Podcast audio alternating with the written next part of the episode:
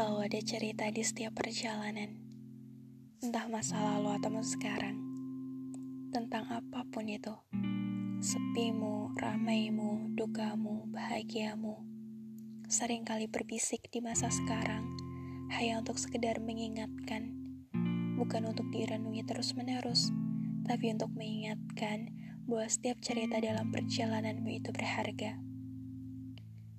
Dan dari perjalanan itu, aku mulai mengenal banyak hal. Dari mulai menjadi seorang pendengar yang baik, kisah cinta SMA dan dramanya, pertemanan, keluarga, adaptasi hidup dari hal yang paling mudah dilewati hingga yang sulit sekalipun mau tidak mau harus dilewati. Kita pastinya sama-sama punya cerita dan skenario perjalanan yang unik, tapi dengan versi yang berbeda. Dan dari situ, kita akan mulai paham dan mengerti bagaimana menghadapi diri sendiri di tengah ramainya persoalan.